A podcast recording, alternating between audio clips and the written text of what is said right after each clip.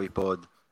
אה, עוד פרק פגרה שבו אנחנו נדבר אה, על מה קורה בקבוצה אה, בקיץ הזה, קיץ עמוס. אה, אני אתחיל קודם כל בהצגת המשתתפים, כמובן, אה, שלום לך יאיר זרצקי. אהלן, ערב טוב. שלום לך גיא קופיצ'ינסקי. ערב טוב, ערב טוב, מה קורה? ומזמן, מזמן, מזמן לא הייתה לנו פה צלע נשית. הרבה מאוד זמן עבר, אני חושב, אה, אה, מאז שהייתה לנו פה אה, אורחת. אז שלום לך, לי נוף גזית. לכבוד הוא לי, קודם כל. כמובן, כתבת באתר וואן, וחברת פאנל בפודקאסט מכבי סל של וואן, יחד עם משה ברדה ו... רז שכניק. ורז שכניק, כמובן. נכון, כן. נכון. אז קודם כל, נעים להיות פה, ותודה על ההזמנה. אה, ואני מקווה, אתה יודע, אני מקווה שאני אצדיק את ה... שאני אעשה גיא פניני ואצדיק את ההימור של השנה. גם גיא פניני השנה, עוד צריך לעשות גיא פניני לצורך העניין. לגמרי. אה, אני רוצה להתחיל בדקה דומיה. אה, לי אין לה מושג על מה אנחנו מדברים, גיא ויאיר כבר יודעים. אני מתלבט על מה אני באמת, קיבלתי תוך מה, שבוע, לא, קצת יותר, שתי בשורות שאני מתלבט מה, מה, מה שימח אותי יותר, ערן זהבי במכבי, או שראיתי היום אנג'לו קלויארו אקס מכבי, אני באמת מתלבט מה שימח אותי יותר, זה באמת ש... בואו בוא, בוא נסביר שנייה אחת ללי על מה אנחנו מדברים פה. הפודקאסט הזה באוויר כבר אה, ארבע שנים. כמעט, כן. כן. לא, למה כמעט? אה, סליחה, נכון, נכון, בינואר, כן, כן, נכון. שלוש וחצי שנים. זה פחות זמן ממה שקלויארו במכבי. עכשיו, אה, בשנתיים האחרונות אני חושב, יש קרבות ביני לבין גיא, אני מאוד אוהב את אנג'לו קלויארו, אני חושב שהתרומה שלו אה, לקבוצה היא מאוד מאוד גדולה. אם זה לא בפן המקצועי, זה יותר בפן המלחמתי, נגדיר את זה ככה, שחקן שנותן מעצמו וכו' וכו', לא חשוב, לא נחזור על זה. וגיא חושב אחרת. אמ, אז היו לנו פה קרבות אה, אה, עזים, מה שנקרא, אה, לא מעט פעמים, צחקנו אחד על השני לא מעט פעמים על הדברים האלה, והיום אני מרגיש שלקחו לי חלק מהלב, נכון גיא? לא, לא קרה שום דבר היום, בוא, צריך להגיד, אתה יודע, זה לא שהייתה איזו הודעה רשמית של מכבי תל אביב, תודה אנג'לו, שאני מניח שתהיה אחרי ארבע שנים שהוא היה בקבוצה. תשמע, כל, כל עוד לא דיברו על זה שהוא הולך לאנשהו, אמרתי, טוב, אולי יהיו תשעה זרים, אני יודע, לא, בשבילו אני מוכן שיהיו. אם אינני טועה, הרי הוא סיים חוזה, אין לו כרגע חוזה במכבי תל אביב, זה לא משהו שצריך נכון. לחדש, נכון? אין לו. נכון. הוא היה חתום לשנתיים, החתימו עוד שנתיים, נגמר. כלומר, זה או שמעריכים או שלא. ופשוט אה, לראות היום בידיעה שפורסם בערוץ הספורט, נדמה לי, לראות אה, אקס מכבי שכתוב בטייטל הזה, זה, זה בסדר, אתה יודע, זה, זה אולי קצת יותר מרגיע אותי שהוא לא יחזור לי מהחלון, אבל בסדר. אין לי שום דבר נגד הבחור באופן אישי, אני פשוט חושב שזרים, מה שנקרא, שמגיעים לפה, שגם ככה בליגה אתה מוגבל בהם ותופסים מקום של ישראלים, צריכים לעשות את הדבר הקטן הזה של לשחק כדורסל, אנחנו דיברנו על זה מספיק, לדעת לשחק כדורסל, אחרת אין להם הצדקה, זה הכל. יהיה בחור טוב ככל שיהיה, וייתן את הנשמה ככל שייתן.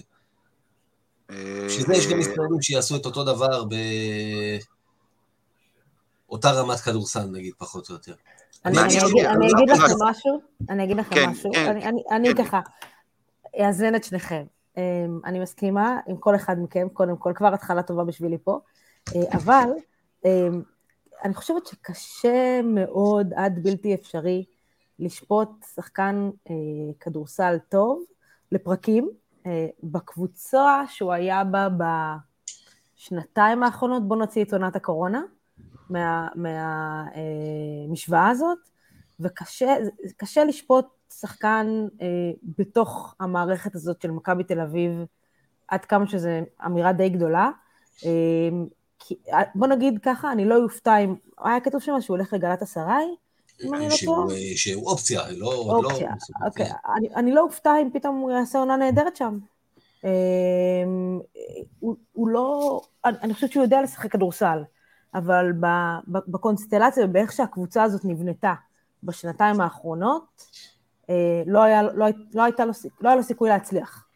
Okay. אה, ואמרת פה, קיוויתי שאולי יהיה תשע זרים והוא יחזור פתאום, אז אני אספר לך פה משהו, יהיה תשע זרים, הוא לא יהיה התשיעי. הנה, קיבלנו, קיבלנו, קיבלנו זכות. תגיד, אני, אני עוד פעם, אני אגיד משהו שזה לא, אני לא מאשים אותו אגב, בשום דבר. להאשים שחקן, אה, יש לנו היום שיעור היסטוריה ואני אתייחס לאיזה שחקן שאני יכול להאשים אותו. אתה יכול להאשים את דרק וויליאמס, ודיברנו על זה בחוסר אכפתיות שהיה במהלך העונה, כולם יודעים שיש לו כדורסל. אם אתה רואה שחקן שיודע לשחק כדורסל ופתאום נראה במשחק אפאתי לגמרי, אני יכול להאשים אותו. אני לא מאשים את קלויארו, זו, זו, אני מאשים את מי שחושב שהוא מספיק טוב למכבי, זה הכל. אין לי שום האשמה לקלויארו, הוא עושה מה הוא יכול, מה שנקרא. יותר מ... הוא, הוא גם לא עושה דברים שהוא לא יודע. גם אם אותי תביאי עכשיו, תלבישי אותי במדים הצהובים, תשלחי אותי למגרש, אני אעשה כל מה שאני יכול, אף אחד לא יוכל להאשים אותי בכלום, אני מבטיח לך. רק את הגאון שהחליט שאני שחקן כדורסל, זה הכל. טוב, בואו בוא, בוא, בוא נתחיל לדבר על מה שמעניין אותנו, אבל לפני זה עוד אה, משהו אחד, במהלך, במהלך היום התקבלו כל מיני דיווחים על, אה, אה, על פבלו לסו, אז זה רשמי. ריאל מדריד מודיעה שפבלו לסו כבר לא מאמן אותה, זו רעידת אדמה. אני בטוח שבמדריד פוד עכשיו מתחילים הקלטה של פרק חירום, אבל זה לא שלנו, אז טוב. כן משהו שאני חושב שהיה צריך להתייחס אליו. טוב, בואו נתחיל עם הליינאפ שלנו. היום בעצם הושלם הסגל של מכבי, אולי, אולי, אולי תהיה עוד החתמה של איזשהו ישראלי בעמדה ארבע, אם ליף יחליט שזה מספיק חשוב לו, אה, אנחנו לא יודעים, אבל בגדול אה, היום מושלם הסגל עם החתימה של, תזכירו לי, אני עדיין לא זה, מרטין. ג'רל מרטין. ג'רל מרטין. ג'רל מרטין. שאומרת אומרת לי שאנחנו צריכים עוד uh, לחכות להפתעה כן, כן. כלשהי. היא אומרת שיהיה עוד אחד. אני חושש מאוד מההפתעה הזאת, אני אומר לכם את האמת. אני, אני, אתה רוצה שאני אגיד, יאיר, אני חושב שאתה חושש די בצדק, כי נראה לי שאנחנו מדברים על אותו אחד. לא, די, נו, לא באמת. דלת ב'? דלת ב', כן, דלת ב'. וואו. זו דעתי, וזה איך שאני רואה את הדברים, זה יקרה. טוב. מעניין, תגיד, אני, חייב להגיד לכם אותו, דרך אגב, על, אה, עכשיו צריך דקה דומייה אמיתית. על ד' ב' אני אגיד לכם בדיוק מה שהייתי אומר על קלויארו בעניין הזה. אם היו מוצאים לו סבתא יהודייה, אין לי שום בעיה שיהיה בקבוצה גם עוד חמש שנים. אין לי בעיה עם זה. זאת אומרת, העניין הוא שוב תפוסת זרים עם חוקי הליגה וכל הבלגן הזה. הוא לא שחקן רע. אם הייתה לו איזה אזרחות, מוצאים לו עכשיו, שמעון היה מוצא סבתא יהודייה באיזה מקום, ממש אין לי שום בעיה. איתו, איתו עוד יותר מקלויארו, פחות מקלויארו, סליחה. שום בעיה.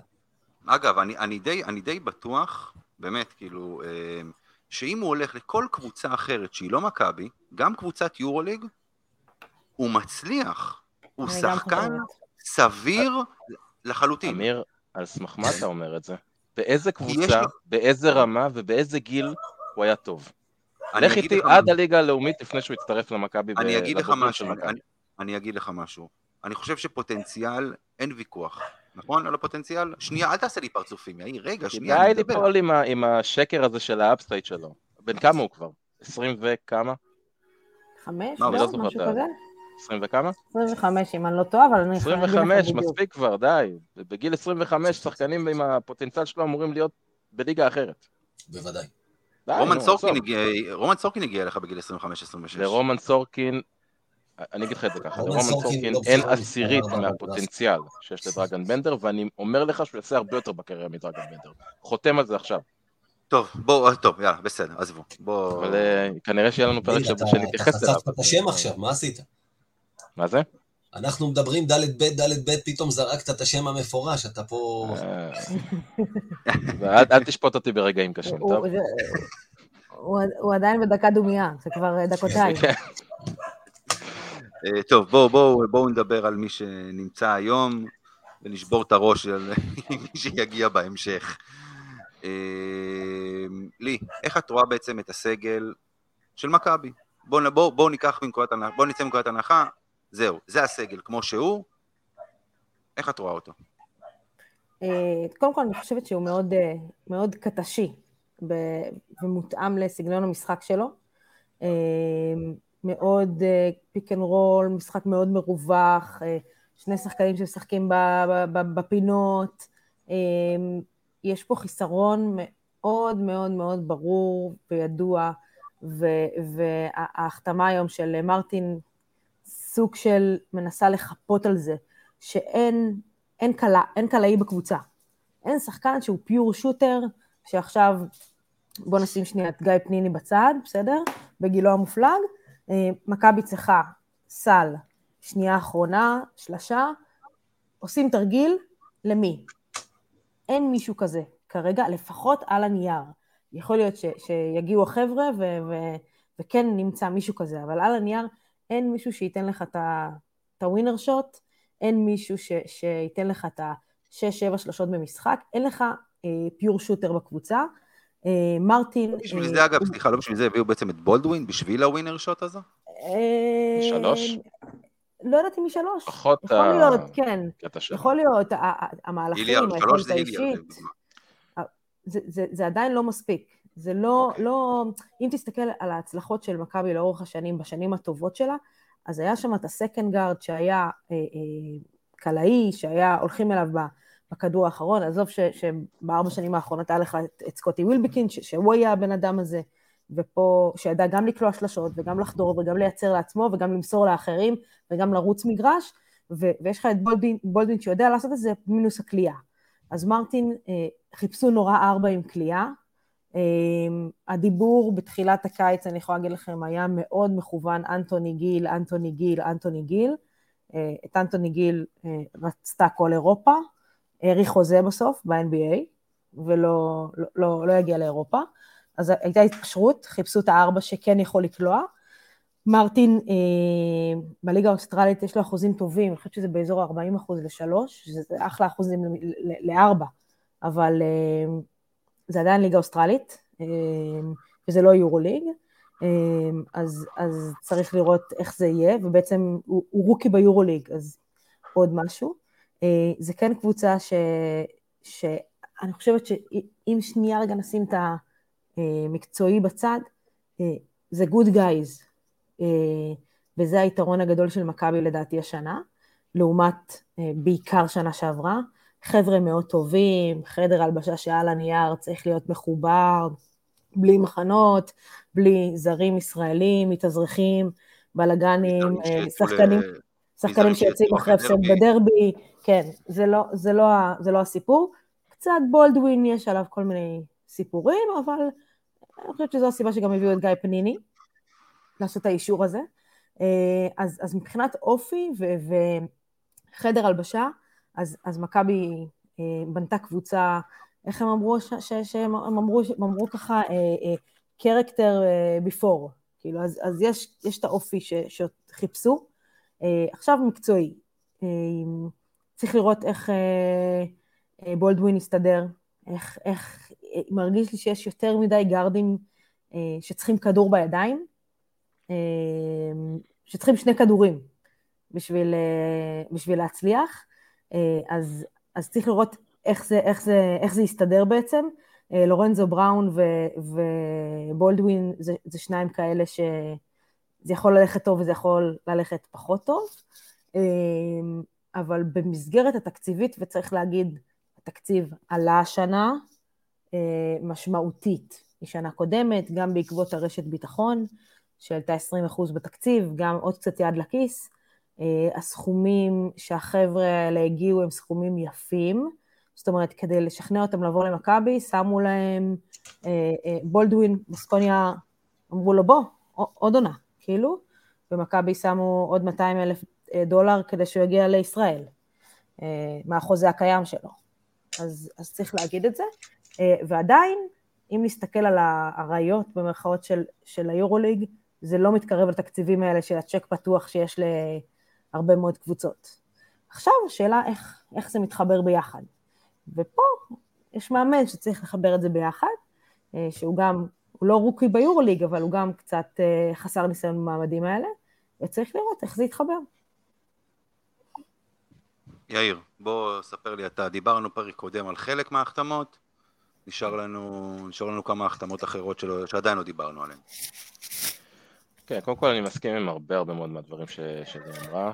אמ, אני אגיד שעד להחתמה של אה, בולדווין, אני חושב שהבנתי מאוד טוב מה מכבי מנסים לעשות בכל החתמה שהם הביאו, וגם באיזה רול מגיע כל שחקן ומה החלק שלו. אה, בשיטה של, של קאטה, שהיא גם כן שיטה מוכרת וידועה. אמ, ברגע שבולדווין חתם זה הכניס לי הרבה מאוד אה, חוסר ודאות לגבי מה אנחנו הולכים לראות העונה. אמ, אני לא יודע אם זה כי עודד קטש הבין שהוא צריך להכניס אלמנטים נוספים לשיטה שלו, אחרי הניסיון שלו בפאו, הוא, הוא רמז על זה באיזושהי צורה במסיבת עיתונאים שהכריזו עליו כמאמן מכבי, אמ, או שיש פה פשוט, אמ, עוד פעם, הרבה מאוד אנשים שבונים את הקבוצה הזאת, כי אני חושב שווייד בולדווין זה, לי זה די מובן שזה החתמה של דיוויד פלאט, זה בחור שהוא הביא לאירופה, הוא אה, גם זה שצוטט כמי שאורב לו באיזושהי צורה מבחינת האופי, מבחינת היכולות, אה, בפוסטים הרשמיים של מכבי. אה, אני לא בטוח אם עודד קטש בונה לבד את הקבוצה, אם זה השחקן שהוא מביא, ואני מסכים מאוד עם מה שלי אמרה, אני לא בטוח איך בראון ובולדווין חיים ביחד באותו קו אחורי.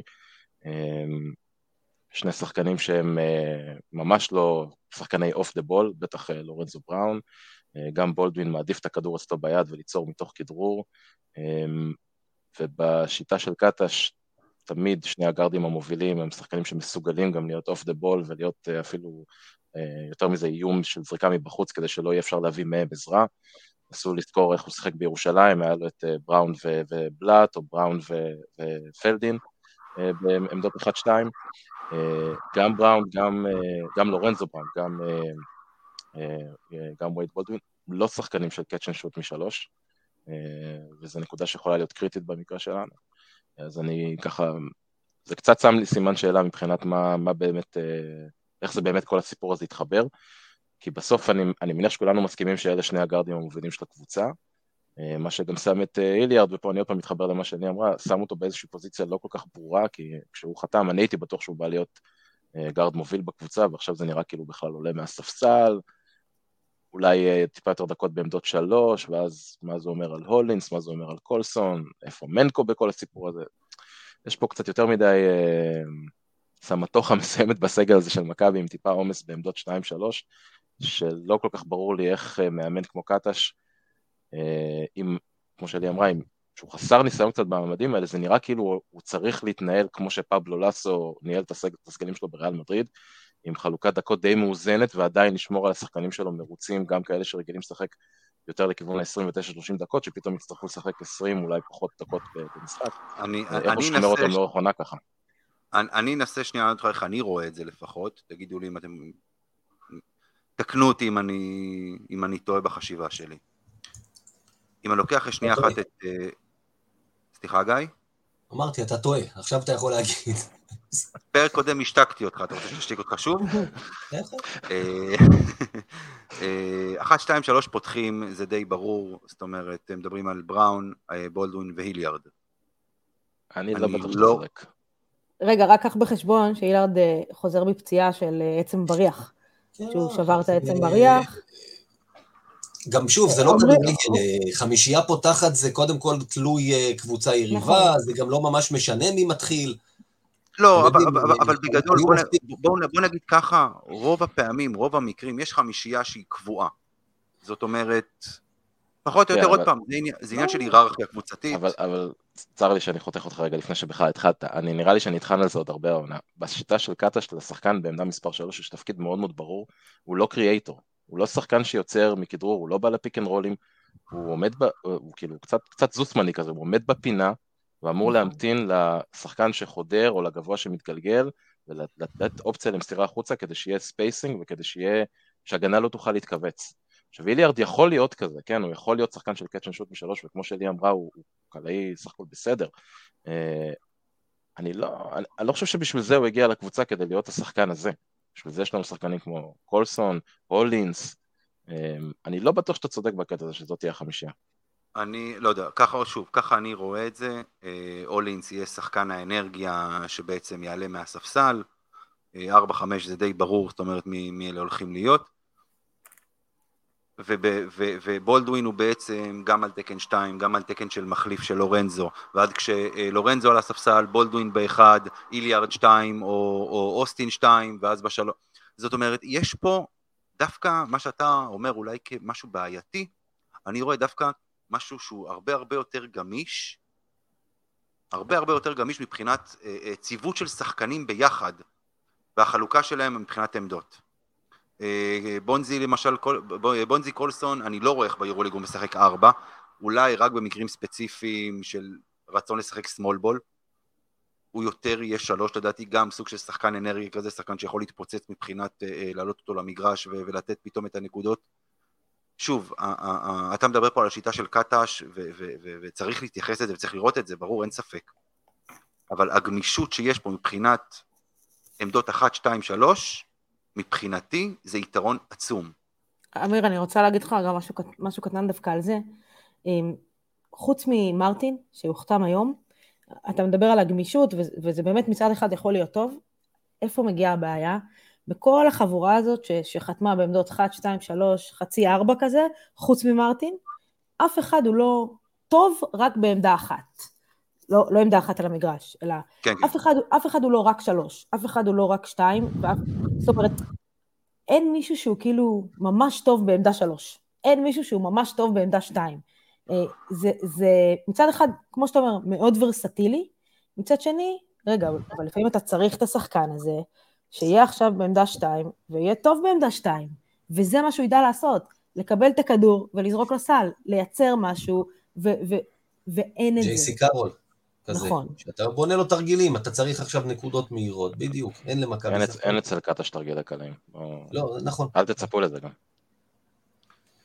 תראי, בסופו של דבר, את יודעת, אה, אה, על כל דבר את יכולה להסתכל כאילו על חצי הכוס המלאה או חצי הכוס הריקה, או תראי את זה איך שאת רוצה, זה נכון, אני, אני, אני מסכים.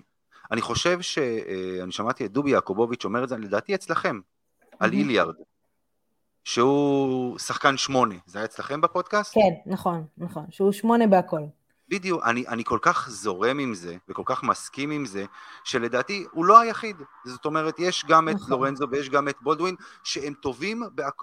הם לא, בולדווין הוא לא קלה של 40% לשלוש, הוא קלה של 30% לשלוש, אבל מצד שני הוא גם ייקח, ידע, ידע לקח, לקחת את הכדור לסל, ידע למסור, ידע... זאת אומרת, בניגוד למה שהיה בעונה שעברה. נכון. למשל, שהיה לנו את ננלי שהוא... עזוב, תעצור לא, לא, פה. לא, הביאו אותו, הביאו אותו כדי, ש, כדי שהוא יהיה זה שיתפור את השלשות בכמעט 50% ממוצע קריירה שלו, וראינו לאן זה הגיע. וויליאמס גם היה לו, הייתה לו איזושהי הגדרת תפקיד, סקוטי, כמה שנים כבר, אותו הדבר. זה לא עבד. זה פשוט לא עבד, לא משנה מאיזו סיבה. אז הביאו פה היום בעצם איזשהו סגל של שחקנים, ש... ש... טוב, לא יודע, בואו בוא, בוא, בוא נשמע את, uh, מה, מה יש לגיא להגיד. תראה, אתם העליתם שאלות, כולכם. העליתם את השאלות שצריך לשאול לקראת העונה, והן שאלות טובות מאוד. אני ברשותכם אגיד מה, מה אני רואה בינתיים ממה שבנו, מה אני אוהב יותר ומה אני אוהב פחות. קודם כל, אני מאוד אוהב את המהירות שהסגל הזה נבנה.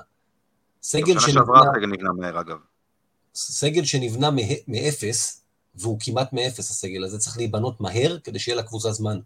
אני אגיד לך רק משהו על זה קטן, גיא, כש, כשקאטה שוכתב, ואתה יודע, דיברו, אה, הפרשנים אמרו, הם צריכים לעבוד מהר, הם כבר בדיליי, כבר אז היו ארבעה-חמישה שחקנים חתומים במכבי. כן. אה, שקטש ידע שהם חתומים במכבי, שקטש אישר את זה כשהוא הגיע, אז, אז אתה יודע, זה לא שעכשיו קטש הגיע והתחילו לעבוד, וזה כבר היה. התחילו לעבוד עם דיוויד בלאטו לפני שקטש נכון, בכלל חתם. נכון. הגענו ממצב, כמו שאומרים, שאוהדים שלנו גם התלוננו, תראו כבר כל הקבוצות עובדות ומכבי mm-hmm. ישנים, לזה שהנה, גם באירופה שיבחו את מכבי על המהירות של בניית הסגל. אז זה דבר אחד שהוא טוב. דבר שני, אני, אני כן רואה, בהחלט, עד שהגיע בולדווין, שהוא כאילו קצת טרף את זה, שבולדווין, הוא גם אולי מבחינתי, אבל תוכנית ב', סוג של לנער אם לא הולכת תוכנית א', אני בהחלט ראיתי סגל שנבנה שמתאים קודם כל למאמן. בניגוד מה שאמרנו שנה שעברה, שנבנה סגל שלא מתאים ליאניס בכלום, סגל שמתאים לכדורסל ולפילוסופיה של קטש, אה, מבחינת בניית הקבוצה יש פה אה, אופי של שחקנים, שאתה לא רוצה חדר הלבשה ששחקנים מסוימים עושים סבוטאז'. אלה דברים שאני מאוד אוהב לראות. מה שאני פחות אוהב, אה, לי הזכירה, ודיברתם על זה, עניין פשוט של חוסר בכלייה מבחוץ, שקבוצה תצטרך לייצר נקודות מהר, אני מתקשה לראות איך היא תעשה את זה. איזה מישהו שאתה יודע שאתה יכול לתת לו את הכדור והוא אה, יהיה חם מבחוץ, והיום בכדורסל המודרני, שלשות זה דבר מאוד חשוב. אבל יש לא לך, שנייה, אני, אני, אני רוצה לשאול משהו באמת, שנייה אחת, צריך שאני קוטע אותך ותתייחס לזה. אין לך שחקן של 40, 45 אחוז לשלוש. אבל יש לך ארבעה, חמישה שחקנים, או שלושה, ארבעה שחקנים, עם 35 אחוז ומעלה. אף אחד מהם, חוץ משוב, הזכרתם את פניני, ופניני מבוגר, וביורוליג בטח יהיה לו מאוד קשה לפנות עצמו לקליעות, רק אם אתה עושה תרגיל. אף אחד במכבי הוא לא פיור שוטר כזה, שאני יודע שהוא ייקח כדור, או שיעלה על הפנים של שחקן, ואז הוא ישים את זה באחוזים גבוהים, או שיתחילו להזיז אותו מאחורי חסימות. אחוזים זה לא רק, זה לא הכול. גם אה, שחקן, אתה יודע, הוא בתוך הקבוצה שלו, בתוך המשחק, איזה זריקות מסדרים לו, חלק מהעניין, מהאחוזים זה העניין הזה. והדבר שני, רוב, הזכרנו... רוב השחקנים שלנו, רוב השחקנים שלנו שהם כן עם יכולות כליאה מבחוץ, הם עוד uh, טעונים הוכחה ברמה הזאת. קולסון טעון הוכחה, מרטין בטח טעון הוכחה ברמות האלה כסטרץ' פור. אה, מנקו חד משמעית, פניני אני לא יודע כמה הוא משחק ביורוליג, אבל גם, עוד פעם, הוא כבר לא בגיל. נשארת בראון ו... ובולדווין כבר דיברנו, זה שחקנים שמחפשים הרבה יותר להיכנס לצבע מאשר לזרוק. זה לא הטיקט שלהם, חד משמעית. זה לא, בדיוק, זה לא הטיקט שלהם. נשארת עם אולינס ו... ואילרד כקלעים יציבים שאתה יכול לבנות עליהם. עכשיו, יכול להיות שאתה תהיה צודק בדיעבד, אמיר, וזה יתפוצץ ונהיה קבוצת שלושות מטורפת, אבל אני, אני לא. מסכים, גיא ולי, אני לא חושב שפתרנו את הבעיה שהייתה לנו שנה שעברה. והנושא השני, דיברנו עליו גם בינינו, אתם יודעים, מה שקטש אמר בתחילת העונה, ואמרתי שהוא מאוד חשוב, שלא יהיה מכבי א' ומכבי ב', ושהישראלים יהיו מש... משמעותיים, כדי שלא יהיו שתי קבוצות, אנחנו רואים שזה לא יהיה. יש שמונה זרים, לי עוד אומרת שיהיה תשיעי, זה אומר כבר שהתוכנית הזאת נכשלה. והנה, התפוצץ לנו עוד פעם בפנים, גינת העדיף את הפועל, טי.ג'יי ליף מעדיף לקבל כסף ולא בהכרח לשחק כדורסל, או מה שלא יהיה. אה, זוסמן שאגב, יאיר אה, מאוד מתאים לכדורסל של קטש מבחינתי, ובלאט יישארו במקום שלהם, ואתה נשאר, ועוד יותר גרוע זה שהישראלים שאתה משאיר, ומשנה שעברה לא סמכת עליהם, הם יודעים שאתה משאיר אותם כי הם ברירת מחדל. ג'יי כהן יישאר עם ההוא, אני, אתה יודע, אני לא מבין דרך אגב איך ג'יי כהן מוכן להישאר בתנאים האלה שכולם אומרים, כן, לא באמת רצינו אותך, בוא תשאר, זה כמו שאתה אומר לאשתך, תשמעי, המאהבת ברחה, אז חזרתי אלייך, כאילו... זה, זה כמו שהבאת את מנקו, למרות שרצית בעצם את גינת. בתור התחלה, הבאת את מנקו. כן, לא, אותו דבר. זה לא אותו דבר, לא כי מנקו, מנקו הוא, אתה יודע, גינת, הוא היה סוג של אה, אמירה. להביא את עומר גינת ולהחזיר אותו ולגרום לו להעדיף את מכבי ולשלם לו הרבה כסף, זה, זה סוג של אמירה כ, כאחד מבכירי השחקנים הישראלים היום על הנייר. אה, מנקו מאוד מחובר לקטש, הוא מאוד קטש בסגנון שלו, אה, קטש בנבחרת הפך אותו לשחקן פותח בחמישייה, אה, אז אני לא חושבת שהוא ברירת מחדל. כן מסכימה ג'ק כהן, כן מסכימה ג'ון דיברטולומיאו שכנראה כן יישאר, כן מאוד מאוד מאוד יפתח זיו, שאם אני אפתח, הולכת לחפש את מקומי במקום אחר, כי אה, הוא לא מתאים לסגנון המשחק של קטש. אה, אבל עוד נקודה ש, ש, שחשוב לי כן להעלות, שלא לא פה, שדווקא אתם צריכים להיות שמחים לגביה, שמכבי השנה על הנייר הולכת להיות קבוצת הגנה מאוד טובה.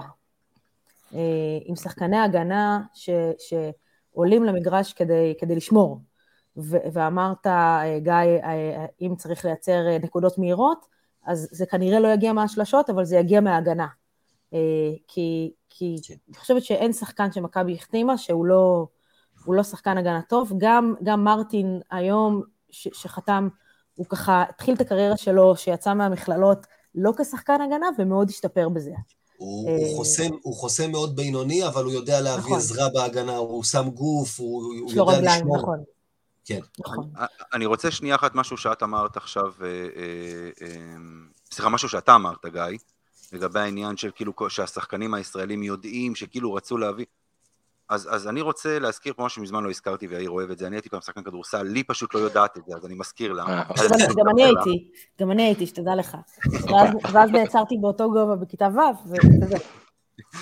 אז, אז, אז אני רוצה לבוא ולהגיד את הגישה שלי, שאני הייתי כשחקן, שכשידעתי שיש מישהו שעולה לפניו, שכשאני עולה למגרש, אם אותי לא היו רוצים, אבל היו משאירים אותי, אה, מה שנקרא, מחוסר ברירה, אז אני הייתי עולה כדי להוכיח, הנה, טעיתם. אה, בסופו של דבר זה את נקל אתמול. בדיוק, נכון, דוגמה. דוגמה. אז בסופו של דבר זה עניין של גישה. ג'יי כהן, אגב, אנחנו תכף נעבור לסיפור טי.ג'יי ליף, אבל אני רוצה להגיד משהו על ג'יי כהן. עונה קטסטרופה הייתה לו בעונה שעברה, וזה מה שנקרא, אני מחמיא לו.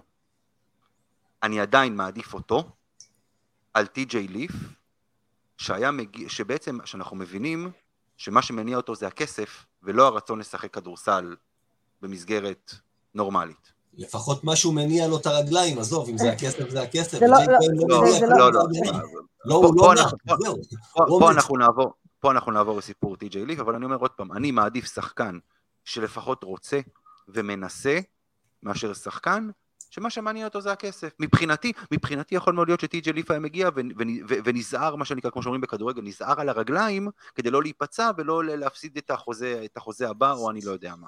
יש מילת מפתח בכל מה שאמרת עכשיו. שהיא? שחקן. אני גם מעדיף שחקן, אבל אתה מקבל את ג'יי כהן. זהו, אתה יכול להמשיך. בסדר, טוב. אה, כן, לי, מה, מה, מה... רגע, קודם כל אני אעשה שנייה סדר. אני לא יודעת אם יצא לכם אה, לראות את טי.ג'יי ליף משחק כדורסל. אה, לא לה... צריך להגיד את האמת, לא להרבה... לרוב האנשים בפלנטה לא יצא לראות אותו. לא להרבה יצא בגלל שהוא לא שיחק כדורסל בשנים האחרונות. אני מהמעט המועטים שהיה להם מזל ויצא לי, כי שידרתי אותו... יש שחקן כזה, לי, לי מאשרת עכשיו, הנה, חבר'ה, קיבלתם סקופ, הוא קיים, השחקן הזה קיים. שידרתי אותו במכללות, ב-UCLA, שהוא שיחק עם אה, לונזו בול. אה, היה שם שיתוף פעולה נהדר, לונזו ממש כאילו, באמת, אה, הייתה לו כדורים, וממש, הוא היה אחלה שחקן. עקבנו אחריו ממש, ולא הופתעתי שהוא נבחר בדראפט. ואז הוא הלך אחרי החלום, לשחק ב-NBA, אמ, וזה לא ממש, לא ממש הצליח, כי מה שמתאים הרבה פעמים למכללות, לא מתאים ל-NBA, והוא בדיוק נכנס לקטגוריה הזאת, של השחקנים שהם אחלה למכללות, והם אחלה לכדורסל האירופאי, אבל זה פחות סגנון המשחק ב-NBA, והוא נורא התעקש. ומכבי פנו אליו אה, כשהוא ישב על הספסל ב-NBA, והוא אמר, לא, לא, לא, אני רוצה לשחק ב-NBA. אמר למכבי, לא תודה. אמר למכבי לא תודה, ואז ירד לליגת פיתוח, ועוד פעם מכבי פנו אליו, הוא אמר להם לא תודה, ואז זו תקופה שהוא ישב בבית, ולא שיחק כדורסל. יצא לדוג. משהו כזה, כן, התארס, יצא לדוג, ומכבי פנו אליו עוד פעם, ופנו אליו, ודרך אבא שלו, אמ, ואמרו לו, בוא, אתה לא, אתה לא משחק פה? ו, ופה הבעיה שלי, אגב, זאת התקופה מבחינתי שמראה על שחקן, לא כסף. כי כשהוא ישב בבית, ו- ולא הרוויח כסף, הוא העדיף להמשיך לשבת בבית ולא ללכת לשחק כדורסל. ואז הבחור קצת התעורר על החיים שלו, ואמר, אוקיי, אם אני לא הולך לשחק איפשהו, אז ל-NBA אני בטוח לא אחזור, וכנראה גם אני אתלה את הנעליים. אז הוא קפץ לסין, לטייל קצת, לראות עולם, אחרי הקורונה. אמ, ואתה יודע, סין זה, זה ליגה שמשחקים שם בשביל הכסף ובשביל הכיף. לא, אין שום, אפס תחרותיות. ההגנה שם אה, נראית כמו מחלקת כלי בית בהום סנטר, כולם עומדים. כן, כן. אה, בוא נגיד ככה, שאתה רואה סטטיסטיקה של שחקן שהוא שיחק בסין, קח את זה בערבון מוגבל. אה, ואני יכולה להגיד לכם שזה היה על סף חתימה, הוא כבר סיכם את התנאים שלו והוא כבר הסכים לבוא, ואז פתאום הוא קיבל כל מיני עיצותים של אולי כן ירצו אותו ב-NBA ותחכה, ויש עכשיו את הליגת קיץ, ואחרי זה התחילו לסגור סגלים, ותחכה עוד קצת. עכשיו, מכבי לא רוצה לחכות, היא רוצה לסגור סגל, היא רוצה לדעת מה יש לה. היא יודעת שאם היא לא מביאה את טי.ג'י ליף, היא משאירה את, אה, את ג'ק כהן, וג'ק כהן גם היה לו הצעה מחולון, צריך לקבל החלטה, אז מכבי לא רוצה לחכות. להגיד לכם שאני לא חושבת שמכבי צריכה לחכות? יכול להיות שהאופציה הטובה של מכבי תהיה לחכות, עוד, למשוך את זה עוד שבוע, שבועיים ו, ולראות אם הוא מגיע. אין, אין פה סיפור של כסף איתו. סיפור איתו שהוא רוצה להיות קרוב למשפחה בבית, להיות קרוב לחברים, לא לשחק overseas, כמה שהוא כאילו מכיר את ישראל ושיחק פה באיזושהי נבחרת נוער או עתודה או משהו כזה. אמ, הוא לא רואה את עצמו כשחקן אירופאי, הוא רואה את עצמו משחק בארצות הברית, מדי פעם קופץ לגיחות איפשהו בעולם, אבל, אה, אבל זאת לא האופציה הטובה שלו, צריך להגיד. אמ, אני מאוד אופתע אם בסופו של דבר טי.ג'יי ליף יגיע למכבי. אה, הם כן יסכימו לחכות לו עוד טיפה, אבל אה, עניין של ככה שלושה ארבעה ימים, אם זה לא ייחתך, אז אה, זה לא, לא יקרה. אז אני רוצה לשאול שאלה לי. היה לנו שוב איזשהו ויכוח בין אוהדים, בין אנשים שטוענים שהם יודעי דבר, לכאלה שגם טוענים. את יודעת על איזה סכומים דיברו עם טי.ג'יי ליף כדי להגיע לפה? מה מכבי בכלל מציעה? איזה אזור של... אני לא יודעת להגיד לך סכומים, אני גם לא רוצה לזרוק סתם סכומים לאוויר. אמ, תשמע, ב-NBA הוא לא... הוא לא הרוויח שם סכומים גדולים. אמ, אה, אבל יש חוזה מינימום שם. כן, אבל הוא סיים את השנים שלו של החוזה מינימום. כאילו, הוא נבחר בדראפט, שיחק את החוזה מינימום, ואז אני חושבת שאפילו היה לו שלב שהוא חתם כזה חוזה 10 days או משהו כזה. זה, זה, זה לא, אתה יודע, זה, זה ברמה של אה, מיליון, אם, אם, זה, אם זה חוזה מינימום זה מיליון דולר לעונה, אם אני לא, אם אני לא טועה, משהו כזה. אמ, אני, אני לא רוצה לזרוק לך סתם, אני יכולה לבדוק לך את זה, אני לא רוצה לזרוק לך סתם, אבל כדי להביא את טי.ג'י ליף היו צריכים להציע לו סכומים יפים. לא, לא, לא מתחרים בסין, כן? אבל סכום יפה שהוא... הוא, הוא היה מתחרה יפה בסכומים בג'י ליג, או כאיזה חוזה מינימום של 10 days בליגת, ב-NBA. לא יודע, ראיתי איפשהו איזשהו דיווח על, על 600 אלף דולר, אה, נטו. 600 אלף דולר זה לא רע. לישראלי? זה נהדר. איזה ישראלי מרוויח את הסכומים האלה? הוא לא ישראלי. הוא לא מסתכל על עצמו כישראלי. הוא לא מסתכל על כישראלי. זה לא יעניין אותו שיגידו לו, אבל אתה ישראלי, אז אל תצפה לי יותר. לא, בסדר, אין בעיה, אבל עדיין, 600 אלף דולר זה מחיר של זר. אגב, למכבי זה מס כפול, כן? כי הוא ישראלי. נכון. לא, לא בטוח, היה את הסיפורים עם אה, רוצ'סטי ופארמר שם שמצאו לזה פתרונות, אני חושב שזה יכול גם לתפוס עליו. אה, בכל זאת אה, די פעם ראשונה שהוא משחק כמקצוען בישראל, אבל הבעיה עם הסיפור שלו זה שזה שבר את, ה, את האפשרות של מה שגיא דיבר עליו, העניין של אה, לעשות סגל קצת יותר מאוזן מבחינת אה, זרים וישראלים. אה, זה, זה הבעיה האמיתית בסיפור הזה, אף, אף אחד מאיתנו לא באמת יודע מה היינו מקבלים ממנו. אבל בכל מקרה תכננו להביא זר בעמדה 4, בלי שום קשר. כן, אבל, אבל הוא ישראלי שהוא גם לא 4 והוא עם כליאה. אני לא יודע, יכול להיות שאתה צודק, אם אני לוקח את מה שלי אמרה עכשיו, זה יכול להיות שלא, יכול להיות שאם הוא היה מגיע היינו מסתפקים באותו ד' ב' אה, בהמשך כעוד איזה משהו, אבל לא, לא כארבע מוביל. אמ, אבל עוד פעם, זה הימור, לא, לא יודע מה היינו מקבלים ממנו, אבל זה לפחות היה שם אותנו במצב שאנחנו לא שמים חצי מהסגל שלנו. יש פה הימור... החלק הראשי ברוטציה, בחוץ בכל משחק ליגה. יש פה הימור מאוד גדול ברמה הישראלית, כמו שגיא אמר, אתה, הסגל ישראלי שלך זה יפתח זיו, אמ, ג'ון די ברטולומיאו, בהנחה והוא נשאר, ג'ק כהן בהנחה והוא נשאר, גיא פניני ורפי מנקו ורומן סורקין. זה כן, הסגל הישראלי שלך של מכבי תל אביב. הסגל הישראלי של מכבי זה יותר אה, מצב השוק כרגע לעומת, ופחות מה שמכבי רוצה. היה את הסיפור של תומר גינת, כבר דיברנו עליו, לא ניכנס לזה יותר, אה, אבל חוץ מתומר גינת, מה שמכבי הביאה או תשאיר, זה כי זה מה שיש בשוק. אני אתחבר רגע למשהו שגיא אמר שבוע שעבר, הקיץ המשמעותי של מכבי בגזרת הישראלים יהיה הקיץ הבא. שאם אני לא טועה, החוזה של ים הדר מסתיים, ובלאט מסיים מכבי לא תביא את ים הדר. אני, אני, אני מסכים איתך, אגב, אבל הוא יהיה שם, זאת אומרת, עוד פעם, זה יהיה... אם תהיה לה אופציה אחרת, היא כנראה לא תביא אותו, אבל הוא יהיה לא כנראה... בסדר, יש שם... זה, זה מעבר לכדורסל. כן, כן, כן, יש איזשהו עניין. אמ, אבל אם אני לא טועה, תמיר בלאט מסיים את החוזה שלו של השלוש עונות, כי הוא חתם לשלוש עונות באלבה ברלין, הוא שאל שנה אחת לירושלים, יסיים בשנה, בסוף השנה הזאת את השנתיים שלו. אה, אני חושב שגם זוסמן אחרי שנתיים, יכול להיות שזה כבר יהיה טיפה יותר רלוונטי לדבר איתו, והוא יהיה קצת יותר בשל אה, לשקול את זה, לחזור חזרה. אה, יהיה אופציות טובות יותר בשוק מאשר מה שיש כרגע. ואני כן חושב, אגב, אם אני אתחבר רגע למשהו שאמיר אמר מקודם, שלדעתי שחקן כמו רפי מנקו, יש לו אפשרות לקריירה ארוכה יותר במכבי מאשר מישהו כמו, כמו תומר גינת, בגלל שזה שחקן שהוא מראש מגיע כאיזה סוג של אה, רולפלר. בכל הקבוצות שהוא שיחק הוא היה רולפלר, זה מישהו שלא תהיה לו בעיה להיכנס לפוזיציה של רולפלר גם במכבי, זה לא יפתח זיו או תומר גינת או גל מקל, שהם שחקנים שהם ממש ממש רגילים להיות מרכזיים בכל קבוצה שהם שיחקו, וקשה להם מאוד להיכנס לפוזיציה הזאת של מישהו שהוא האופציה רביעית, חמישית אה, בהתקפה לפעמים. דיברו על זה קצת בספיק אנד רול ואני מאוד מסכים עם מה שאלפרין וג'ובה אמרו שם בהקשר הזה. אה, שחקנים שהצליחו במכבי בשנים האחרונות כישראלים זה, זה כאלה שהם היו role players בהגדרה שלהם, אז יש אפשרות שבקיץ הבא יהיה לנו סגל ישראלי הרבה הרבה יותר מתאים ואולי באמת נצליח להתמודד, להסתדר עם פחות משמונה זרים. השנה זה משהו שכנראה אין אפשרות כזאת ואנחנו נסבול מזה בליגה, נסבול מזה לדעתי מאוד מאוד בליגה.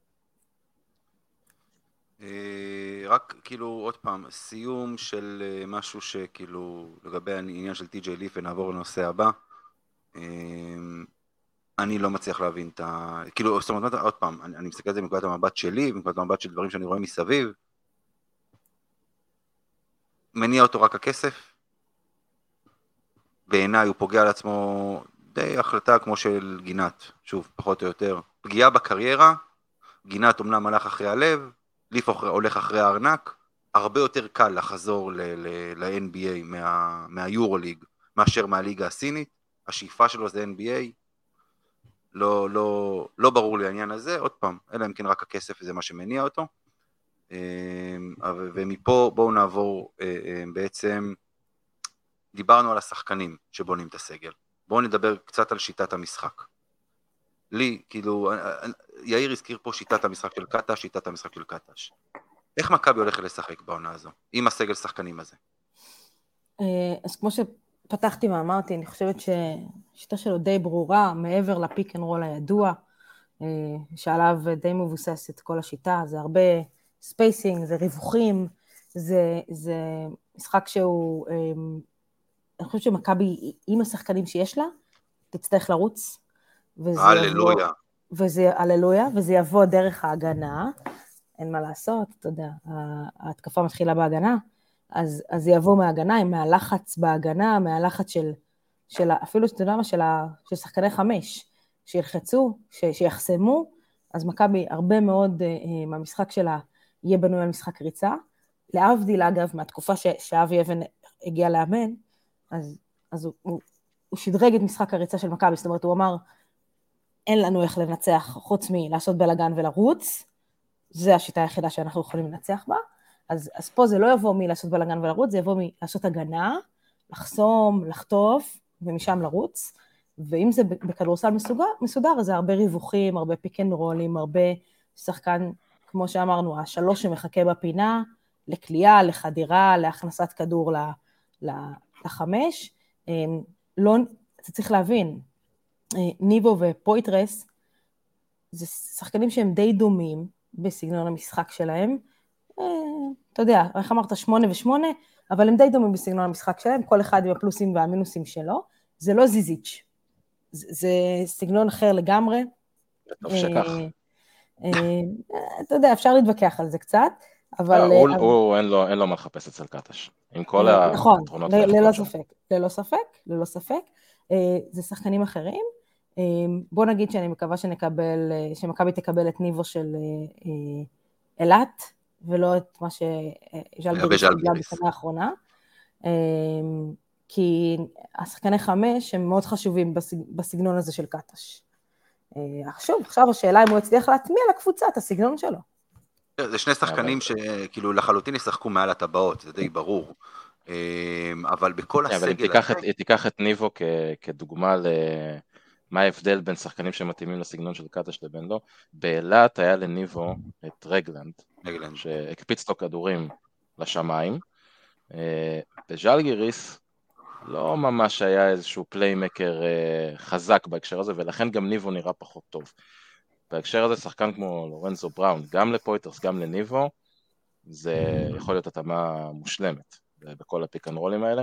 אה, רק כדי להבין, לי מזכירה פיק אנד רול, וזה זה, זה נשמע כמו בדיחה, אבל אה, ריין פנון שאמור להיות העוזר מאמן של קטש במכבי, או אחד המועמדים, מי שהיה עוזר שלו בירושלים, מעביר קליניקות על השיטה של עודד קטש כדי להסביר איך צריך לעשות פיק אנד רול, הוא משתמש במה שהם עשו בהפועל ירושלים כדי להסביר אה, איך עושים פיק אנד רול נכון בהתאם לאיך שההגנה מגיבה, כי, כי זה באמת הבסיס של כל השיטה, אה, ועל זה, על, על, על האלמנט הזה במשחק המסודר אה, יקום ויפול, תקום ותיפול להצלחה של מכבי לעשות נקודות, ולגבי משחק מעבר, אז ההבדל בין מה שהיה שנה שעברה עם, עם אבי אבן זה שאבי אבן מאוד רצה לרוץ, אבל קצת קשה לרוץ כשאתה כל הזמן מוציא את הכדור מתחת לסל כי קיבלת נקודות, כי מכבי הייתה אחת הקבוצות הגנה הכי גרועות שיש, והשנה אנחנו אמורים לשאוף להיות אחת הקבוצות שאחוז היריבות מהשדה יהיה אחד הנמוכים ביורוליג.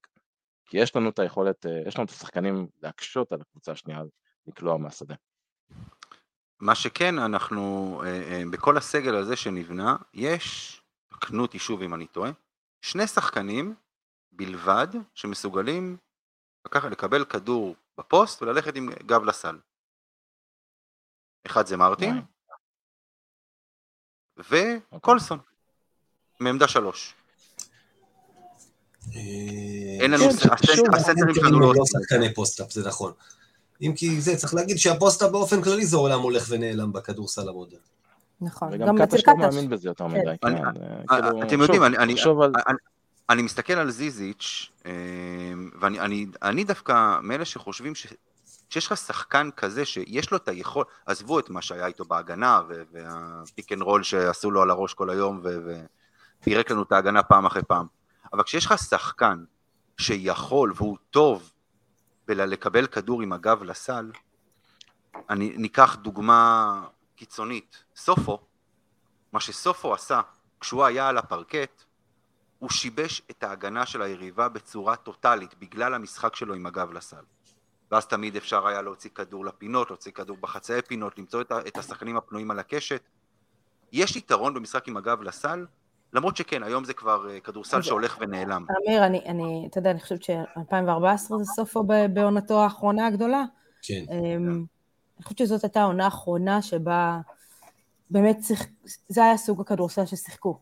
אין, אין כמעט ביגמנים כבר ש, שיודעים לעשות את הדברים האלה, שזה כמעט ולא קיים. אה, אה, אתה יודע, פעם התחלת לדבר על חמישייה, וזה פעם היינו יודעים שהחמישייה של מכבי זה אריאל מקדונלד, בסטון, אה, אפמן, אתה יודע, כזה. זה כבר, זה, הסגנון כל כך שונה היום. כן.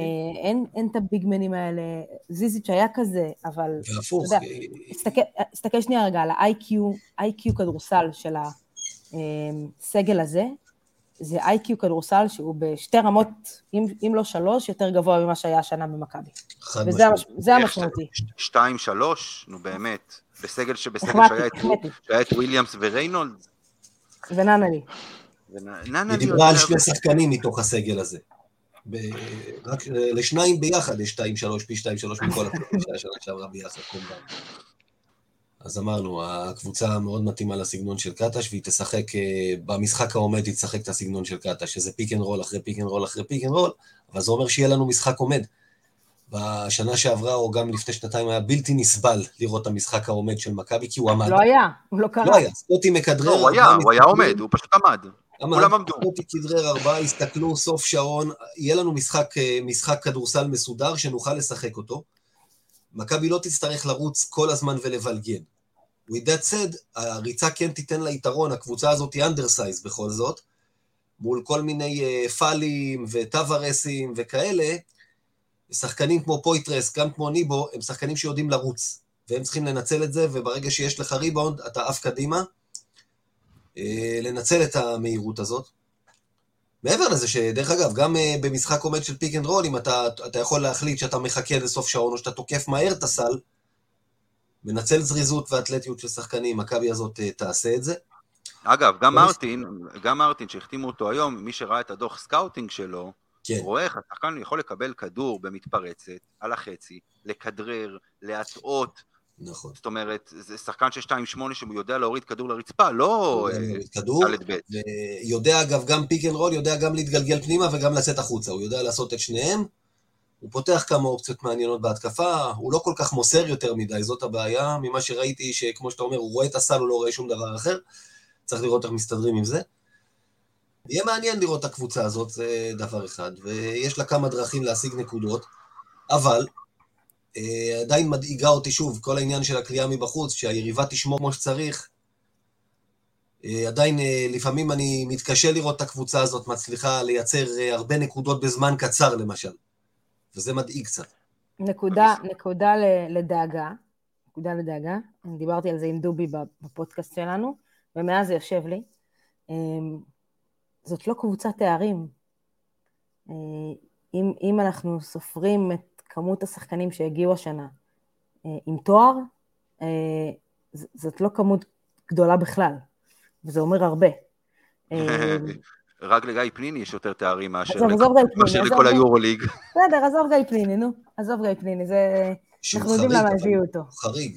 אבל גם גיא פניני, דרך אגב, בשביל שחקן שהיה כל כך הרבה שנים במכבי תל אביב, יש לו הרבה גביעי מדינה. אליפויות יש לו ארבע, זה לא איזה אה, כמות פסיכית. זה לא הרבה. כן, נכון. כן, אז עזוב שנייה, השחקנים שמכבי הביאו, הזרים. הנה. אה, הרבה לא מגיעים עם תארים. כמה זה משמעותי אבל? לדעתי זה משמעותי, אה, ברמת הניסיון, ברמת הלידרשיפ, אה, לדעתי זה משמעותי. אה, יכול להיות שאתה יודע, נשב, נשב פה עוד שנה ו- ונצחק על זה ונגיד, אה, הנה, והצליחו להביא תארים, יכול להיות, אבל, אבל זה כאילו, זה, קצת יושב עליי מה שדיברנו על זה, כי זה, זה אומר על שחקנים משהו, זה, זה כאילו כל פעם מחזיר אותי לסיפור של ננלי, שאמרו, אוקיי, הביאו שחקן עם תארים, אגב, ננלי, כן, זה, זה חבר, ואמרו, אוקיי, בוא ניקח שחקן שהיה כזה אה, אה, לא, לא מוביל בקבוצה, ובוא נעשה ניסיון וניתן לו להוביל קבוצה, וראו הוא הוביל אותה, כן? אז, אז זה קצת מזכיר לי, פה הביאו שחקנים אולי בלי ניסיון, אבל בוא ניתן להם להוביל קבוצה, אבל עד עכשיו הם לא הצליחו כל כך להוביל קבוצות. אבל יש לשחקנים, שנייה לי, השחקנים, אין להם תארים, סבבה, כמו שאת אומרת, ניסיון יש להם. הביאו פה בעצם, שוב, מלבד קולסון ומלבד מרטין, כולם שחקני יורוליג. כולם? אחד אחד. שחקני אירוליג רובם בקבוצות שהצליחו גם. היו לפחות מתישהו כן. בקבוצות שהצליחו. כן, אז זאת אומרת... רובם, רובם, לא כולם.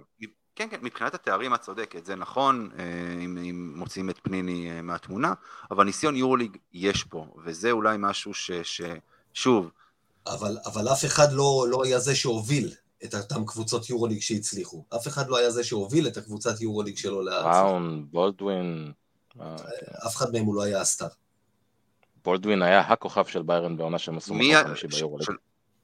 לוצ'יץ', חולק עליך, בסדר? אה, אתה יודע מה, אחד מהשלושה המובילים שם יחד עם גם רנולדס, בסדר, אבל בואו, הוא לא היה, הוא היה שחקן, הוא היה השחקן המוביל שלהם בקו האחורי. רגע, לא הבנתי, בקזאן היה מישהו שהוביל ושמעבר ללורנזו בראון? לא, הוא אומר שקבוצות שהצליחו, קזאן, אתה יודע, הציעו אותם באמצע העונה, לך תדע מה... מה זה משנה, אבל סליחה, לא, לא, לא, לא, שנייה. אני מסכים איתך, אני רק מפרש. היו כמה שחקנים, היה זוניה, היה קנן, כן, זו הייתה קבוצה לא, אבל בראון היה פלור ג'נרל. תקשיב, לורנזו בראון, אם אין את סיפור הרוסיות, ואם לא מוציא, זה שחקן שמועמד לחמישיית העונה, על מה אתה מדבר? שחקן עם רייטינג של 17 נקודות למשחק, כמה 16 נקודות, קלה, 6 אסיסט, על מה אתה מדבר, גיא? זה פה, אני מתנצל, אני לא מסכים איתך, וקזאן הצליחו מעבר למשוער בעונה שעברה. הם לא אשמים שפוטין אה, הסתובבה לא יודע, לא, לא, לא ראיתי אותם בפלייאוף, אתה אומר, הצליחו, סבבה. יופי. תשמעו, אין לזה נוסחה, אי אפשר לדעת. יכול להיות שזה באמת יהיה משהו שיהיה בעוכרינו כשנגיע למשחקים גדולים ושחקנים האלה לא יתפקדו. מה שמאוד מעניין אותי, אגב, זה הפער שאפשר להתאבד ממנו. בין מה שחלק מהאוהדים אומרים, קבוצת יורו-קאפ, למה שחלק מהאוהדים אומרים קבוצת פיינל פור. אתה יודע, בחיים שלי לא ראיתי, בחיים שלי, לא ראיתי כזה פער בין דעות של אוהדים שונים, ולדעתי האמת היא אגב לא לפה וממש לא לשם, היא איפשהו באמצע, השאלה רק לאיזה כיוון יותר. כן, אבל, אבל אתם צריכים להבין, אה, בכסף שמכבי משחקת, בכסף שמכבי מדברת, היא לא יכולה, וכדאי שכל האוהדים ידעו את זה, היא לא יכולה לבנות קבוצה שהאוהדים יגידו, זה קבוצת Final Four. חד משמעית. גם, גם, בעונת, גם בעונת הקורונה, שמכבי עשו פלייאוף, כן, שלא היה פלייאוף, זו, זו, זו הייתה קבוצה ש, שמישהו בתחילת העונה חשב שהיא תגיע לפלייאוף? כנראה שלא. אה, עזבי, אוקיי, מספיק, כן, אמיר, זה מתועד, זה מתועד, זה מתועד. אבל מספיק לבוא לא. מספיק לבוא ולדבר על היחס של האוהדים לנט וולטרס בתחילת העונה, שכולם בהתחלה נכון. קטלגו אותו כמי שמגיע להיות הרכז המחליף של הרכז המוביל, הזר, ובסוף נהיה הרכז המוביל, והיום כולם רק מדברים על אה, מתי אנחנו מוצאים את הוולטרס הבא. לפחות עד שהבאנו את נכון. לורנזו בראון. ואתה יודע מה, בוא נלך עוד אחורה. מישהו פה חשב ב-2014 שמכבי בונה קבוצה ש... עזוב אמיר. האמת ששם גם אני, אין לי פה שום עדות לזה. אבל מה עשית? ב-2014, אחרי שמכבי הפסידו לנס ציונה, אני וגיא מכירים שנים, אני משחקים כאילו... אני, גיא עד שמע שאמרתי, הקבוצה הזאת תגיע לפיינל פור. כן, כן. אבל... פעם אמיר היה פוגע בהימורים שלו, לא כמו הפעם, לא כמו עכשיו. וגם אז, מה עשו מכבי? אתה יודע, גם על הנייר, זה גם הייתה קבוצת יורו-קאפ. היקמן אה, וטייריס רייס. מישהו חשב, טייריס רייס היה כמעט בעטו אותו בתחילת העונה שם אחרי כמה משחקים. נכון. זה לא היה, לא היה רחוק משם. הוא ישב במטוס עם המנוע דולק כבר. גם דיוויד בלאט היה כבר ארז את הבגדים, את הדברים בכיסא לידו. בכיסא לידו. לא- כן. לא- אם לא גיא פניני. אם לא גיא פניני, נכון. אה, וג'ו אינגלס, מישהו חשב שהוא כאילו יהיה מה שהוא יהיה, אגב, שהוא יצא במכבי, מישהו חשב שהוא יגיע וידפוק כרטיס ב-NBA, גם לא. אה, אז אתה לא יכול לדעת. על הנייר, נכון, קבוצה של רצף של שחקנים, אה, איך אמרת, אמיר? שמונה? אז טובים. שמונה. כן, לא, טובים. לא, לא, לא גדולים, טובים. אין כוכב גדול. מכבי נכון. רצו, רצו להביא כוכב גדול, לא יכלו להביא כוכב גדול. אגב, לדעתי לפחות, לקח טוב ממקרה ווילבקין. להגיד, אוקיי, אנחנו לא מביאים איזשהו סטאר גדול בהרבה מאוד כסף, אלא מביאים כמה בכסף שהוא גדול יחסית, אבל עדיין לא, לא בסכומים של, של סקוטי. אה, זה ניסוי. עכשיו, צריך לראות אם, זה, אם הניסוי הזה יצליח. זאת קבוצה. בגלל, אמרתי ש... בגלל זה אני אמרתי שעד ההחתמה של בולדווין הכל היה נראה לי מאוד מאוד ברור, כי זה, זה היה נראה לי שזה הכיוון, לשם הולכים. הרבה שחקנים שהם אה, ניסיון יורו ליג, אה, אבל אף אחד מהם זה לא איזה כוכב שמצפה לקבל את כמות הזריקות, מצפה להיות אה, אה, שחקן המרכזי בקבוצה, אולי חוץ מלורנזו בראון, אבל זה בסדר, כי זה גם שחקן שחושב הרבה פעמים יותר מסירה מקליעה, אבל בולדווין הוא borderline top יורוליג בהקשר הזה, גם מבחינת איך שהוא מסתכל על עצמו. וזה... אני חושבת שאתה גם צריך להביא איזשהו, במרכאות, bad guy, וזה זה, זה, זה בולדווין. כן, כן, בדיוק. bad guy שכאילו, אתה יודע, שהוא כאילו יהיה, איך אומרים היום הרבה פניני, הסוג של פניני שמשחק, כן? כן. אה, זה בולדווין. הגלן רייס. זה שיעיף את הכיסא שם, לא, הגלן כן. רייס לפניני זה פחות טוב, אבל כן. כן. לא, אני חושב שגם לורנזו בראון יכול להיכנס לפוזיציות, אגב. מכבי כמו מכבי, מכבי כמו מכבי, כשהיא נכשלת בגדול, כמו שהיה בעונה שעברה, היא הופכת את הכל, אבל מקצה לקצה. לא הייתה ברירה. לא, לא, אבל ממש מקצה לקצה. שנה שעברה הייתה קבוצת הגנה קטסטרופה, שדיברו על זה עוד מתחילת העונה, האמת. אז עכשיו מה עשו? הביאו קבוצה שהבס... ש... הרבה אומרים שההגנה היא זו בעצם שתוביל את הקבוצה הזו ולא, ולא ההתקפה. אה, אה, הלכו, היה סנטר של זה, היו שני סנטרים אה, בולטים, נגדיר את זה ככה, ריינולדס מצד אחד, זיזיק מצד שני, הביאו שני סנטרים אפורים במרכאות. זאת אומרת, לא, לא היה רכז אחד נורמלי בקבוצה, עכשיו הביאו שניים. הלכו, כאילו הפכו את כל הקבוצה מקצה לקצה. בואו נראה עוד פעם, מבחן התוצאה, אבל אני, מה שאת אמרת לי, שעוד פעם, שהביאו שחקנים בלי סופרסטאר, בנייה של דיוויד בלאט, ככה אני חושב שדיוויד בלאט בונה את הקבוצות שלו, שוב, תקנו אותי אם אני טועה, ואני חושב שזה נכון. אני חושב שזה דבר נכון לעשות, שלא יהיה uh, go to guy אחד, שכמו שהיה עם סקוטי, כולם יודעים, הוא מקבל את הכדור, והשאר כבר יורדים לחדר הלבשה. אני רוצה שנייה רגע לדבר על שחקן, uh, דיברנו עליו פרק קודם בקטנה, לדעתי הוא קצת נבלע בכל הרצף ההחתמות שהיה בשבוע האחרון, uh, וזה בונזי קולסון. אני חייב להגיד שככל שאני מסתכל יותר על... לא שמעתי, סליחה? בונזי. קולסון. אה, לא, לא שמעתי, אוקיי, סבבה. אה, אני חייב להגיד שככל שאני מסתכל יותר על, יותר על uh, קטעים שלו, משהו בו מאוד מאוד מזכיר לי קצת את דיוויד בלו, בהקשר הזה של יכולת להיות שחקן של catch and אה, מבחוץ. יכול להיות שזה משהו בשחרור הגבוה שלו של הכדור ויחסית אה, מהיר, אבל אה, אני לא יודע איך קטש הולך להשתמש בו. אה, אבל אם אני מניח, או אם אנחנו מניחים שהכדור רוב הזמן יהיה אצל אה, בראון, בולדווין והיליארד, הוא יכול להיות כלי מאוד מאוד טוב לריווח של המשחק. אה, כי זה שחקן שגם בליגת האלופות האחוזים שלו לשלוש היו סך הכל יפים, ושם רוב הקליעות שלו היו, היו מכדרור, היו ממצבים שהוא יצר לעצמו. שחקן כזה שנשאר לבד הרבה מאוד פעמים על, על קשת השלוש, כי בנה צריכה להתכווץ מחדירות של שחקנים עם הכדור, הוא יכול להיות כלי מאוד מאוד חזק שלנו בהקשר הזה של, של סטרץ', של כליאה מבחוץ. אני דווקא מאוד מאוד, מאוד מעניין אותי לראות מה, מה נצליח לעשות איתו ואיך קאטה שואף להשתמש בו, אבל יש שם פוטנציאל מאוד גדול בעיניי. מילה קטנה, מילה קטנה על בונזי, שידרתי אותו גם במכללות. מאוד מאוד אהבתי אותו. אני חושבת שזה שחקן שה... בוא נגיד ככה, יושבי ההיכל, הוא יהפוך להיות החביב שלהם די מהר. הוא שחקן שמאוד מתחבר לקהל, הוא חי מאנרגיות, הוא עולה מהספסל, הוא קופץ על הרצפה, הוא, הוא חוטף כדורים, הוא משתטח על הפרקט, הוא רץ, הוא מוסר, הוא קולע, הוא, הוא עושה הכל מהכל, הוא, הוא מכניס אנרגיות, הוא מכניס טירוף, הוא שומר טוב, הוא, הוא, אתה יודע מה, הוא לא שמונה, הוא שבע בהכל, אה, עם פוטנציאל להפוך לשמונה, אה, חובת ההוכחה עליו, אבל הוא, אני חושבת שהוא באמת הגוד גאי. מכבי רצו אותו כבר שנתיים, אה, וזה לא, ובסוף ויתרו עליו. זה לא שזה לא הסתדר, הם ויתרו. הוא, הוא בחור, הוא בחור מאוד מאוד מאוד חיובי, הוא בחור שבא לעבוד, זה שחקן שיגיע ראשון לאימון ויישאר אחרון לקלוע עוד. ו- ואם הוא לא, אם הוא יחטיא עונשין, הוא יישאר לקלוע עכשיו 50 זריקות עונשין, אה, הוא בא לעבוד, וזה שחקן שיש לו מוטות ידיים מאוד מאוד גדולות, ואני חושבת שעם עוד כמה סנטימטרים, הוא יכל להגיע ל-NBA. ב- בימים חמים הוא יהיה הוונטלטור. כשהמזגן מקולקל, הוא עם הידיים שלו ינפנף, הוא יהיה הוונטלטור באימון. הוא גם שחקן, אגב, שה teammates שלו מאוד מאוד אוהבים אותו. נכון. מבחינה חברתית. ואני מסכים עם שניכם, זה, מכל השחקנים שהגיעו, זה השחקן שאותי אישית הכי מעניין לראות השנה ב- ביד אליהו. אותי הכי מעניין איך יהיה החיבור בין ברונזי לדוני. טוב, אה... שלא יאכל אותו, כן. לא יאכל אותו.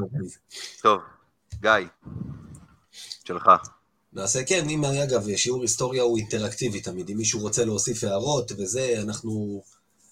חלקנו יותר מבוגרים, חלקנו יותר צעירים, אני פה הולך לדעתי לגבול התחתון של כולכם, אני לא יודע כמה אתם תזכרו וכמה זה. השם אה, דיוויד, צ'רלטון, אנקרם, מה אומר לכם? למה? למה? בשביל מה זה טוב? התחלנו עם ד' ב'. הרבה תחושות לא נעימות כל כך. נסיים, כן, תחושות לא נעימות. אז אה, אמרנו, ג'יילן ריינולדס השבוע הודיעו שהוא אה, כפי הנראה הולך לבולוניה, ומכבי הצליחה להיפטר מהחוזה שלו. ונזכרתי בסיפור של אנקרם, אה, לפעמים שמגיע שחקן שבאיזשהו שלב בעונה הופך לאאוטסיידר לגמרי ופשוט לא חלק מהקבוצה. דיוויד אנקרם הגיע למכבי כמובן לא מיד בתחילת עונת 92-3, אה, אחרי אליפות מאוד קשה ב-91-2, שהקבוצה המפסידה עשתה ממנה דוקו שלם על איך אגרוף אחד דפק להם אליפות. מכבי תל אביב לא הצליחה להשאיר את, את הזר היותר דומיננטי שלה מאותה שנה, מייק מיטשל. שהיה שחקן מאוד מגוון, ונתן עוד אופציה התקפית מאוד רצינית אחרי, חוץ מדורון ג'אמצ'י, והביא השחקן אה, במקומו שקראו לו דיירון ניקס, שלא ממש הצליח אה, להיכנס לעניינים, והיה נראה מאוד אנמי, ויעקב אדלר החליט להחליף שני זרים באותו זמן, שאגב צעד משדר פאניקה בצורה מטורפת, נכון לאותו זמן, משהו שמכבי תל אביב לא הייתה עושה. ואחד אה, החליף את ורגס, שנשאר מהעונה הקודמת, ומי שליווה דיבר על שחצנות בלתי נסבלת שלו, כי הוא ראה שאת הכוכב הגדול מיטשל העזיבו ואותו השאירו, אז הוא התחיל לחשוב שהוא כוכב גדול. Anyway, החליפו את שניהם, הגיע את ווינפרד קינג במקום ורגס, ובמקום דיירון איקס, מכבי חיפשה שחקן בעמדת פורוורד שיוכל לייצר נקודות גם מבחוץ, לא הצליחה למצוא. אמרה, אז נביא קלעי. הביאה שחקן שבעצם ישב לג'אמצ'י בדיוק על הבלטה, דיוויד אנקרם היה קלעי. שיחק ארבע שנים קודם לכן בעיראקליס, עם ממוצעים של מעל 33 נקודות, שתבין. הוביל אותה שם לצמרת, להופעות באירופה, לא סתם אדלר התלהב ממנו, כאילו, היו לו סטטיסטיקות מטורפות. לא עמד בפיתוי, מכבי אמרו, אנחנו מאוד מוגבלים בהתקפה, נביא עוד אופציה חוץ מדורון ג'אמצ'י, שיהיה לנו שני גאנרים שמפציצים. זה עבד קצת פחות טוב, כי הוא, האיש פשוט היה מנותק לגמרי מהקבוצה, קראתי כהכנה הרבה, הרבה סיפורים, בעיקר ערן סלע, שכתב על זה פרק מאוד נרחב פעם בספר שלו, ודיבר על שחקן שהקבוצה לא עניינה אותו חברתית, לי דיברה קודם על בונזי קולסון, ועל איך הוא אה, בחדר הלבשה, ועל איך הוא היה עובד. אנקרם גם היה מגיע שעה לפני אימון כדי לזרוק, אבל הוא לא דיבר עם אף אחד. הוא היה משחק בשכונה עוד לפני האימון עם כמה ילדים שהוא הכיר באיפה שמכבי שיכנה אותו. היה מגיע איתם לאימון, היה זורק איתם לסל, הם היו מחכים לו מחוץ לאימון והיה חוזר איתם הביתה. הוא היה יושב עם האוזניות, עם הווקמן, דיסקמן, מה שלא היה בשנות ה-90 העליזות באותו זמן. דיסקמן לא היה. לא מדבר עם אף אחד בשלב הזה, אאוט לגמרי, ג'אמצ'י ודניאל, הישראלים הדומיננטיים לא סבלו אותו. אה, וכמובן שזה הגיע לשיא, כאשר במהלך אחד האימונים הוא ודניאל הלכו מכות, ב... הם היו תוקעים אחד לשני, הם היו פרטנרים לאימונים, ובגלל שהם לא אהבו אחד את השני, הם היו תוקעים מכות קטנות אחד לשני תוך כדי אה, אימון. ומתישהו עם האווירה הרעה שהייתה בקבוצה זה התחמם עוד יותר. דניאל אה, היה צריך שם לבן מרסר וסייר, אם אתה זוכר אותו, אמיר, אייל סייר. אייל סייר, בטח. הג'מוסים היו צריכים לתפוס את דניאל ככה, אתה יודע, להרים אותו שהוא בועט עם הרגליים באוויר כדי שהוא לא יהרוג את אנקרם. דניאל אמר, תעזבו אותי, ש... בואו נשלח אותו מכאן בארון, כי דיברו באותו שבוע שאולי יחליפו אותו, אז הוא אמר, בואו בוא נהרוג אותו וכבר הוא יצא מפה בארון ככה או ככה. אה, וזה היה כל הסיפור של אותה עונה של מכבי תל אביב, בדיוק כמו שג'יילן ריינולדס במידה רבה הוא הסיפור של העונה שעברה של מכבי תל אביב. אופי גרוע בחדר ההלבשה, ובן אדם שבשלב מסוים נראה שפשוט לא מעניין אותו לשחק כדורסל, בטח לא בשביל הקבוצה. אה, רק נגיד על אנקרם, שהוא המשיך ממכבי תל אביב, הוא נשאר בישראל עד סוף הקריירה שלו. שנה אחרי, מישהו זוכר איפה הוא שיחק? עפולה. נכון. עפולה היה מלך הסלים של הליגה, ירד ליגה עם עפולה, אחר כך היה בהפועל חיפה, במשך שלוש עונות, אפילו אימן אותם במהלך העונה האחרונה, עד שהוא uh, פרש מכדורסל אחרי uh, אותה עונה, והנה, נזכר פה לדיראון עולם. מעניין אם ג'יילן ריינולדס גם ייזכר בהקשר הזה, אני רק אגיד עליו מילה אחת קטנה, אתם יודעים, דיברתם על קלויארו, דיברנו עליו בתחילת השידור. קלויארו, אם ילך לגלת עשרה, לא יחזור לפה ביורוליג, כי הם לא ישחקו יורוליג. אבל אם במקרה קבוצת יורוליג אה, תהיה מספיק לא חכמה לחשוב שהוא ברמה של יורוליג ותיקח אותו גם, והוא יגיע לפה, הקהל יקבל אותו במחיאות כפיים ובהרבה אהבה, כי הבן אדם, כמו שאמרתם, תמיד נתן הכל, והיה לו אופי טוב, כמו שיקבלו את סקוטי, ובכל זאת, למרות הדברים שאמר, כמו שרוב הקהל יקבל את ג'יז'יץ', אני מאמין, ג'יילן רנולדס שיבוא לפה עם בולוניה, צריך לקבל שריקות בוז מחרישות אוזניים מהקהל ביד אליהו. אני מבחינתי לא אשכח ולא אסלח על הסבוטאז' שהוא עשה לנו בסדרת אה, רבע גמר בדרבי בשנה שעברה. זה הסבוטאז', אפשר להסתכל על זה אחרת. אתה, אתם כאילו, אתם יודעים על איזה חוזה הוא יושב במכבי?